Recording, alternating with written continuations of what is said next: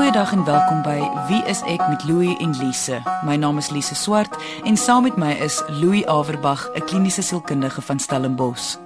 Die lekker ding van briewe bespreek hier op Wie is ek is dit gee ons 'n kans om 'n paar onderwerpe in een program te bespreek.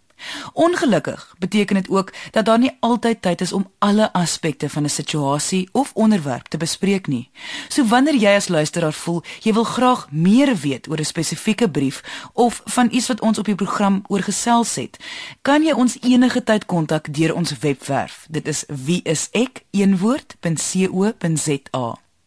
Ons gaan vandag twee briewe bespreek.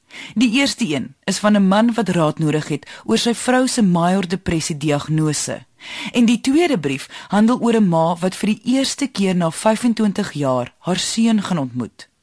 Onthou, alle briewe wat hier op Wees ek bespreek word, bly anoniem. Ons verander selfs van die bewoording om seker te maak die identiteit van die skrywer bly onbekend. Kom ons luister na die eerste brief van die dag wat Louis nou vir ons gaan voorlees. Hallo Louis en Lise. Ek en my vrou is vir amper 20 jaar getroud. Sy was nog altyd anders as ander mense. Dit was juist die rede hoekom ek so vinnig op haar verlief geraak het. Sy dink anders oor die lewe. Sy ervaar dit anders en sy het 'n wonderlike lewenslus gehad. Soos enige mens het sy ook haar afdae gehad, maar oor die algemeen was sy net gelukkig. Na 10 jaar het dinge begin verander. Sy het meer af as aandae gehad. Dit was asof die mens met wie ek getrou het voor my oë verdwyn het.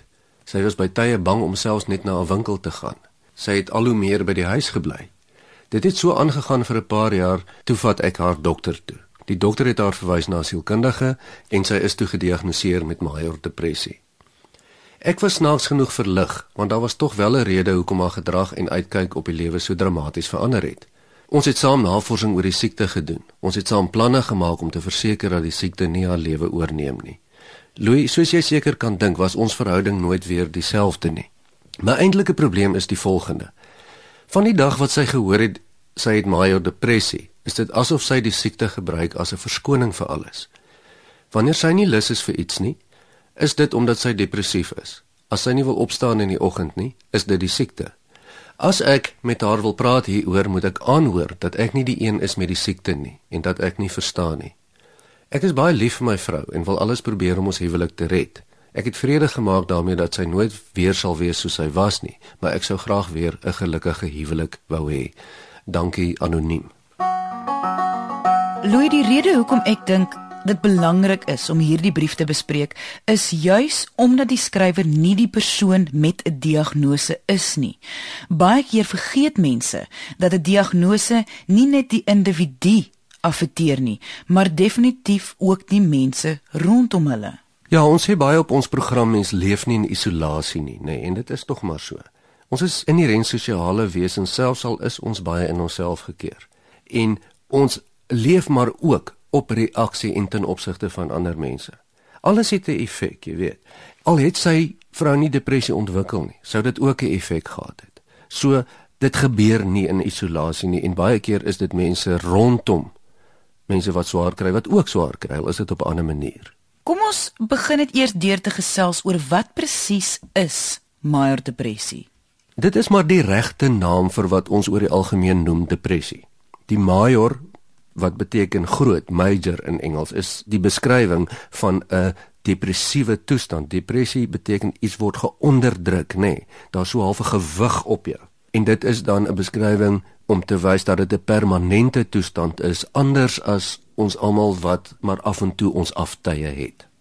En daarmee saam gaan spesifieke simptome, onttrekking van die lewe af permanente lae gemoed, onsekerheid, 'n slaappatroonverwisselinge, 'n algemene lewenslus wat verloor word en 'n algemene onsekerheid wat daarmee gepaard van dat ek nie meer in staat is om my lewe te kan hanteer nie, my gemoed laat my nie toe nie. So 'n major depressie is depressie soos wat ons dit almal ken.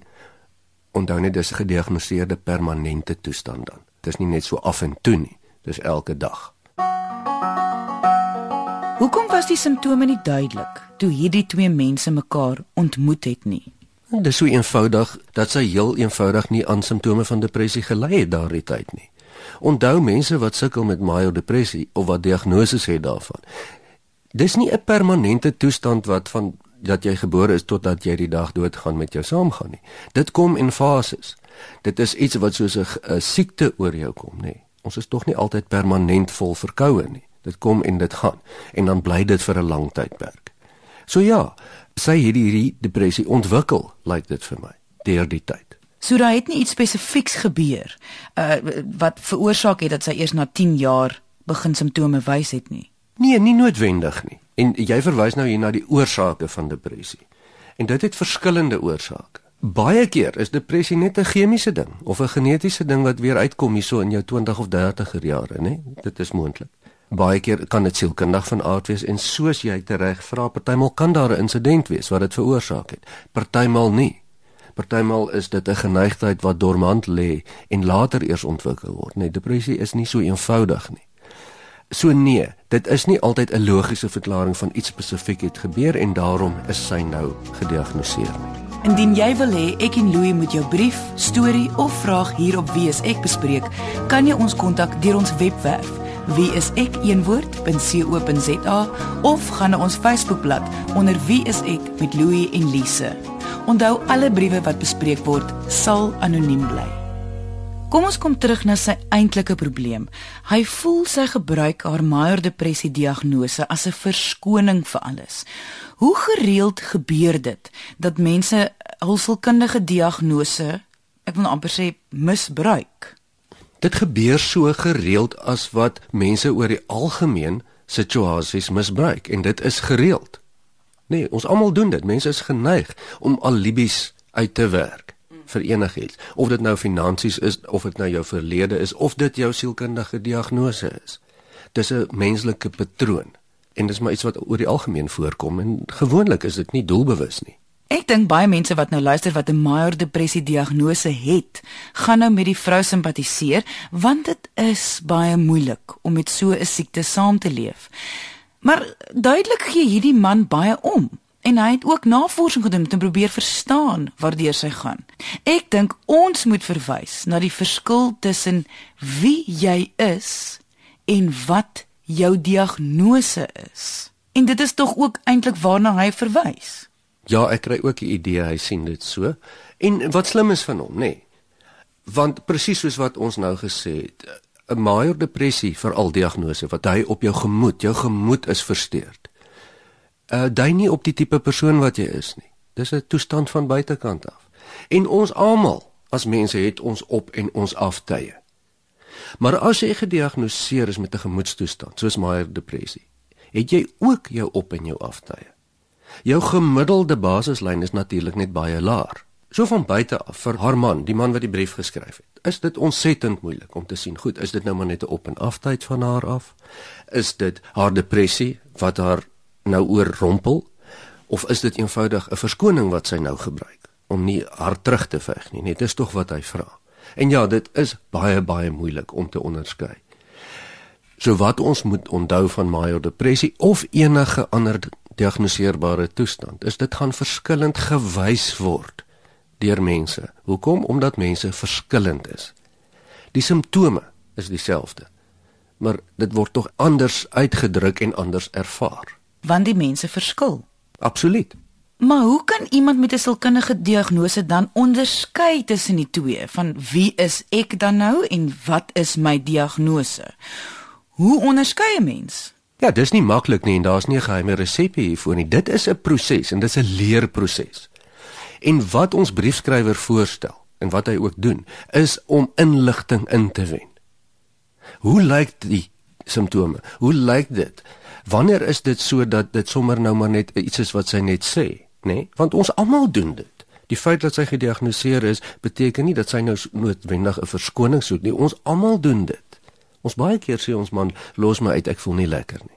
So dit gaan oor 'n samewerkingsproses en wat hy eintlik sê hier in sy brief, sy het opgehou om saam te werk met hom. Dis die groot probleem. So die probleem hier is nie noodwendig gebruik sy haar diagnose soms as 'n verskoning nie, want ek glo sy sal want dit is menslik. Maar hoe hanteer hulle dit? Hoe lyk hulle samewerking hierop? En dit is dan 'n proses waarmee hy vir haar kan help en dis wat sy sal moet leer. Ook om te on onderskei. Jy kan 'n dagboek hou om dit te doen, nê. Nee, jy kan jou proses en selfreflektering en terugvoer van ander mense wat sy nog altyd van haar man afgekry het, is juist die belangrikste ding hier. Dis wat gaan vir haar help om te leer onderskei. Maar die onderskeiding is ontsettend belangrik. Anders gaan sy nie kan onderskei om te verstaan hoe hy daarna kyk nie en wat hy deurgaan nie. En wat mens moet onthou hier, so daar's nie net een persoon in hierdie wêreld van teneergedruktheid nie, nê. Nee. Hy het net soveel reg om daarom ook gelukkig te wees. Sy voel nou hy verstaan nie want sy is siek en hoe kan hy dit verstaan? Maar hy wil net hê sy moet onthou wie sy is, die persoon met wie hy getrou het. Hy sê hy kan leef daarmee dat sy swaar kry. Dit moet net dieselfde persoon bly. Ek wil dit net duidelik maak dat ons nie vandag sê mense wat moet saamleef met iemand met 'n sielkundige diagnose het nou die reg om daarop aan te dring dat die ander persoon nooit hulle simptome mag ervaar nie.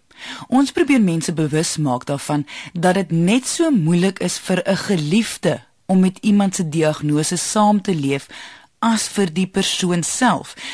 Ek dink dit is hoekom inligting, kennis en 'n plan seker so belangrik is. Ja, kyk, hy sê hulle oorspronklike plan het gewerk, maar dit werk al vir 'n geruime tyd nie meer nie. En daarom moet mens nou maar 'n ander plan maak. En ek sou vir hom baie sterk aanraai om die kommunikasie te probeer herstel, want dit is wat gewerk het in die verlede. As jy soos as jy klink vir my as jy in 'n span saamwerk en die depressie veg saam, dan werk dit, dan kry jy dit reg. Maar as sy van jou af onttrek en nie wil saambeklei nie, is waar die probleme inkom.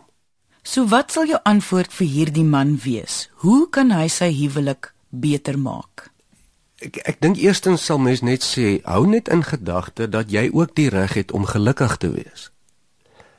Dit beteken dat geen mens kan jou man of jou vrou of jou lewensmaat se voltydse terapeut wees nie. Dit werk nie, nê. Nee.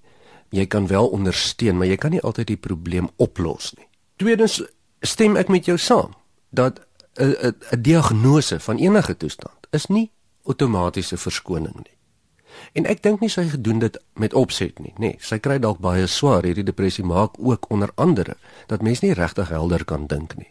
Om jou emosies te onderdruk vir jou gesonde verstand is baie moeilik vir iemand wat met depressie sit. So ja, ek dink jy moet aanhou om vir haar te laat verstaan dat jy omgee. Maar jy hoef ook daarna nie so met handskoene te werk te gaan nie. Dit is heeltemal in orde om vir haar te konfronteer hiermee want sy moet onder andere saamveg. Dit is nie jou kom ek sê so jy gaan dit nie regkry om alleen te veg teen haar depressie nie. Dit is haar werk. En jy het ook 'n reg as mens in 'n verhouding. So doen iets anders. Probeer jou aanslag verander en as jy dit nie regkry nie sou ek sê dit is dalk dan die tyd om 'n buitepersone te betrek. Sy is onder behandeling klink dit vir my en ek dink julle kan dan net die behandeling verdiep as dit moontlik is deur byvoorbeeld jou te betrek saam met 'n sielkundige. En as ek jy was sou ook aangedring het daarop. Jy het mos nou mooi probeer, so kry jy hulp in en dan kan julle saam 'n baie mooi daadwerklike plan uitwerk saam met 'n professionele persoon. Dit werk altyd bietjie makliker. Ons bespreek vandag twee briewe hier op WSEK. Voor die advertensiebreek het ons 'n brief bespreek wat deur 'n man geskryf is oor sy gevoel dat sy vrou haar major depressie diagnose gebruik as 'n verskoning om nie te kommunikeer met hom of met die wêreld om haar nie. Indien jy nou eers ingeskakel het en graag hierdie bespreking sou wou hoor, kan jy na die pot gooi van vandag se episode gaan luister op RSG se webwerf. Dit is rsg.co.za. Soek na wie is ek en kies 'n episode volgens die uitsaai datum. Onthou alle briewe hier op wie is ek bly anoniem. Ons verander selfs van die bewoording om seker te maak die identiteit van die skrywer bly onbekend. Kom ons luister na die tweede brief van die dag wat ek nou vir ons gaan voorlees. Goeiedag Louis en Lise. Ek is 'n ma van 3 pragtige dogters. Die jongste is 13 en die oudste word hierdie jaar 18. Hulle is alles vir my. Hulle pa is 3 jaar gelede oorlede, maar alhoewel ons vier hom daagliks mis, het ons geleer om aan te beweeg en sy dood te aanvaar. Ons praat oor alles in ons huis. Hulle al drie is glad nie soos ander tieners wat niks met hulle ouers deel nie. Maar daar is wel iets wat nie hulle of my man ooit van my verlede weet nie. Toe ek 'n eerste jaar op universiteit was, het ek 'n kind opgegee vir aanneming. Dit was 'n vreeslike tyd in my lewe. My ouers het my verbied om vir enige iemand daarvan te vertel. So vir die afgelope 25 jaar was hierdie die ergste las om te dra. Maar ek het toe my man ontmoet en hierdie pragtige dogters gehad. Verlede week het ek 'n oproep gekry van 'n maatskaplike werker dat my seun, nou 25 jaar oud, wil my ontmoet. Ek het nog nooit so groot geskrik nie, nie eens toe my man oorlede is nie. Sy het gesê ek hoef hom nie te ontmoet nie en ek het 'n week tyd om te besluit. Ek skryf vir julle want ek weet nie of ek hom wil ontmoet nie. Ek wil weet of hy oukei okay is, maar ek is bang vir die implikasies wat dit in my lewe gaan hê. Wat as ek niks van hom hou nie? Wat as hy niks van my hou nie? Hoe gaan my dogters reageer? Hoe gaan dit ons lewens affekteer? Asseblief, kan julle vir my raad gee oor hoe ek hierdie situasie kan hanteer en of ek hom moet ontmoet? Sjoe, Louis, hierdie is 'n baie moeilike situasie. Ek kan haar redes hoekom sy hom nie wil ontmoet nie insien. Die implikasies van 'n nuwe kind in haar lewe is tog enorm. Ja, hierdie is 'n groot skrik uit die verlede uit en natuurlik weet sy nie wat die implikasies is nie. Ek dink dis wat ons duidelik hierso sien is. Hier is 'n situasie, sy het nie idee wat die implikasies kan wees vir haarself, vir hom, vir die ander mense betrokke nie. En dit is een groot vraagstuk, wat nou? En dan is daar ook hierdie seun wat sy biologiese ma wil ontmoet. Uit jou ervaring, wat beteken dit vir 'n kind om sy of haar biologiese ouer of ouers te ontmoet? Oor die algemeen lyk dit asof kinders wat aangeneem is, nê, nee, of wat dalk nie met hulle biologiese ouers groot geword het nie. Almal 'n baie sterk behoefte het om te wil weet, waar kom ek vandaan? Hoe lyk my biologiese pa? Hoe lyk my biologiese ma? Wat het gebeur? Hoekom is ek opgegee vir aanneming? En amper ek wil die ek wil sien waar my wortels vandaan kom. Die behoefte is nie altyd om ewe skielik dan 'n verhouding te hê nie, nê. Nee. Uh dit hang baie van verskillende mense af, maar dit is amper net om te wil weet en te verstaan. Dit geld nie vir almal nie, maar dit is oor die algemeen die geval. En mens kan dit verstaan. Al is dit vir iets so eenvoudig soos om te weet watter oorerflike siektes in jou genetiese familie is. Maar gaan dit nie 'n reuse sielkundige effek op hierdie kind hê as hy hoor dat sy ma wil hom nie ontmoet nie? Ja, ek dink nie mens kan daarby verbykom nie ehm um, as jy totaal uit sy perspektief uitdink en hy hoor nou dalk dat sy hom nie wil ontmoet nie, kan hy baie afleidings daarvan afmaak. Die grootste afleiding wat hy gaan maak is waarskynlik weer eens een van verwerping, nê. Nee, is amper in eenvoudige taal gesê my biologiese ma wil niks met my te doen hê nie, alhoewel dit nie haar intensie is nie. Uh, is dit tog nou maar die gevaar wat hier kan bestaan? En omdat ons niks weet van sy agtergrond nie, weet ons nie of hy dalk hierdie as 'n baie ernstige saak sien nie. Miskien is dit vir 'n verwerpingsaangeleentheid. Miskien is hy maar net nuuskierig en hy wil net graag weet. Ons weet nie. Maar ek kan ook verstaan dat sy so onseker is juis omdat daar nie baie inligting is nie. Kom ons kom terug na die vrou, die ma. Hoe sou jy sê moet sy hierdie keuse maak? Ek bedoel, watter stappe kan sy byvoorbeeld neem? Want dit is 'n enorme keuse. Ja, hierdie een gaan 'n effek hê op enige vlak, nê. Nee. So, die vraag is hier, watter stappe neem mens in elk geval om enige belangrike keuse te maak? Ek dink nie daar's 'n voorgeskrewe manier nie, maar wat ek sou voorstel is om hierna te kyk as 'n lewensprobleem.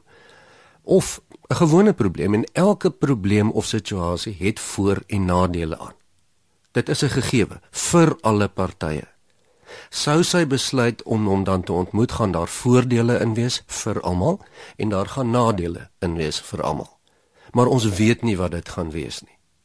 En wat sy sal dan moet doen is om te probeer betaal waar is die voordele, waar is die nadele en kyk waar die skaal na die swaarste kant toe trek, nê maar mens sy kan nie hierdie probleem benader deur te dink daar gaan nie nadele wees met wat sy ook al besluit nie.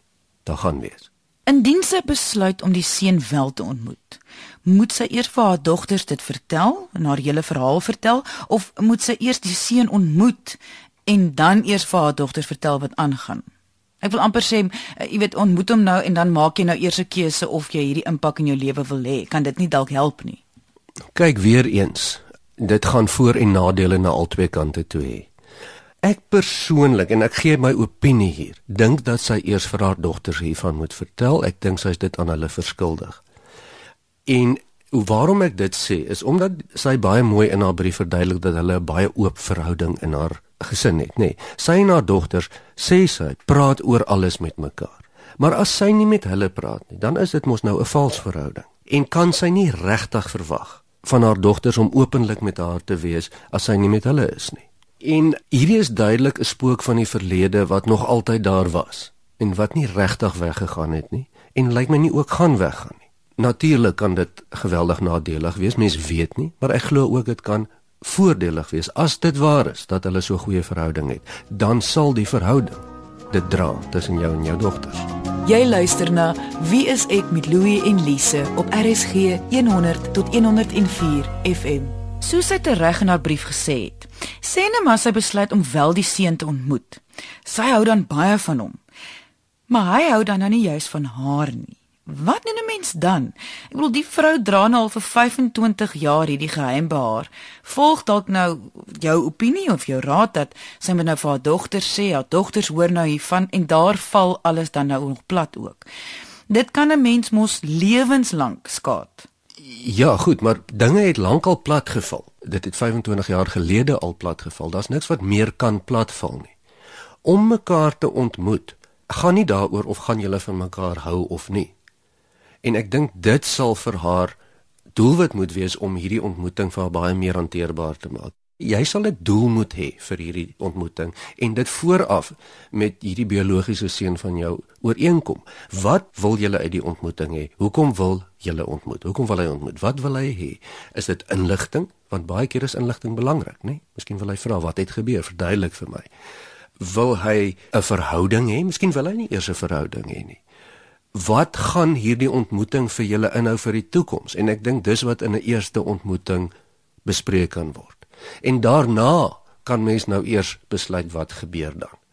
As ons dan nou nie van mekaar hou nie dan is dit deel van wat die verlede vir ons gedeel het. As ons dalk vir mekaar hou wat gaan ons maak? So die belangrikste punt hierso is dat sy voor die tyd moet besluit waaroor die ontmoeting vir haar wil gaan wat sy daaruit wil hê en te hoor wat wil hy daaruit hê. En miskien kan hulle hierdie twee dan nou laat saamsmelt. Maar ek wil tog ook dit sê, hier is 'n jong kinders betrokke, die jongste meisie is 13 en mens moet ook vir haar konsidereer sy is nie 'n volwasse nie, maar sy is oud genoeg om aan gesprekke in die gesin deel te neem en die lewe te verstaan, dan is sy ook oud genoeg om hierdie te verstaan. Dit bring my terug na haar vraag moet sy die seun ontmoet. Kyk, ons kan tog nie sê ja, jy moet of nee, jy moet nie die seun ontmoet nie. Ek ons kan opinies gee. Ek dink mevrou, jy moet maar die seun ontmoet, want dit gaan nie weggaan hierdie situasie nie. En die wonder en die kontak van sy kant af nie, want hy wil duidelik iets hieruit hê. En onthou nou, in 'n mate is hy geregtig hierop. Hy het nie gevra om gebore te word nie, nê. Nee. So al is jy wettiglik nie aan hom iets verskuldig nie dink ek tog ook ten minste net bietjie inligting is jy wel aan hom verskuldig. En onthou nou, hier is ook 'n geleentheid vir iets baie positiefs. Hier kan 'n goeie verhouding wees. Hier kan 'n goeie vriendskap selfs wees. Hier kan dalk 'n bietjie van 'n ouer broer vir die drie dogters wees. Mis dit goed bestuur word en verwagtinge mooi uitgeklaar word. Dit hoef nie 'n negatiewe angswekkende situasie te wees nie. Almal verstaan dat hierdie ding gebeur. 25 jaar terug het niemand dit verstaan nie. Dit was 'n ander tyd, ons verstaan dit. Maar jou dogter sal dit werklik waar verstaan, ek glo dit. Ja, ons het vandag 'n paar swaar onderwerpe aangeraak en sal graag van ons luisteraars hulle opinies oor die onderwerpe wil hoor. Onthou jy kan ons ook enige vraag oor enige onderwerp vra. Gaan na ons webwerf wieisek1woord.co.za of kom gesels saam op ons Facebookblad onder wie is ek met Louie en Lise. Ons het aan die einde van vandag se program gekom. Baie dankie dat jy ingeskakel het. Ons maak weer so volgende Vrydag 12:30 net hier op RSG. Jy moet 'n heerlike naweek hê en onthou, kyk mooi na jouself.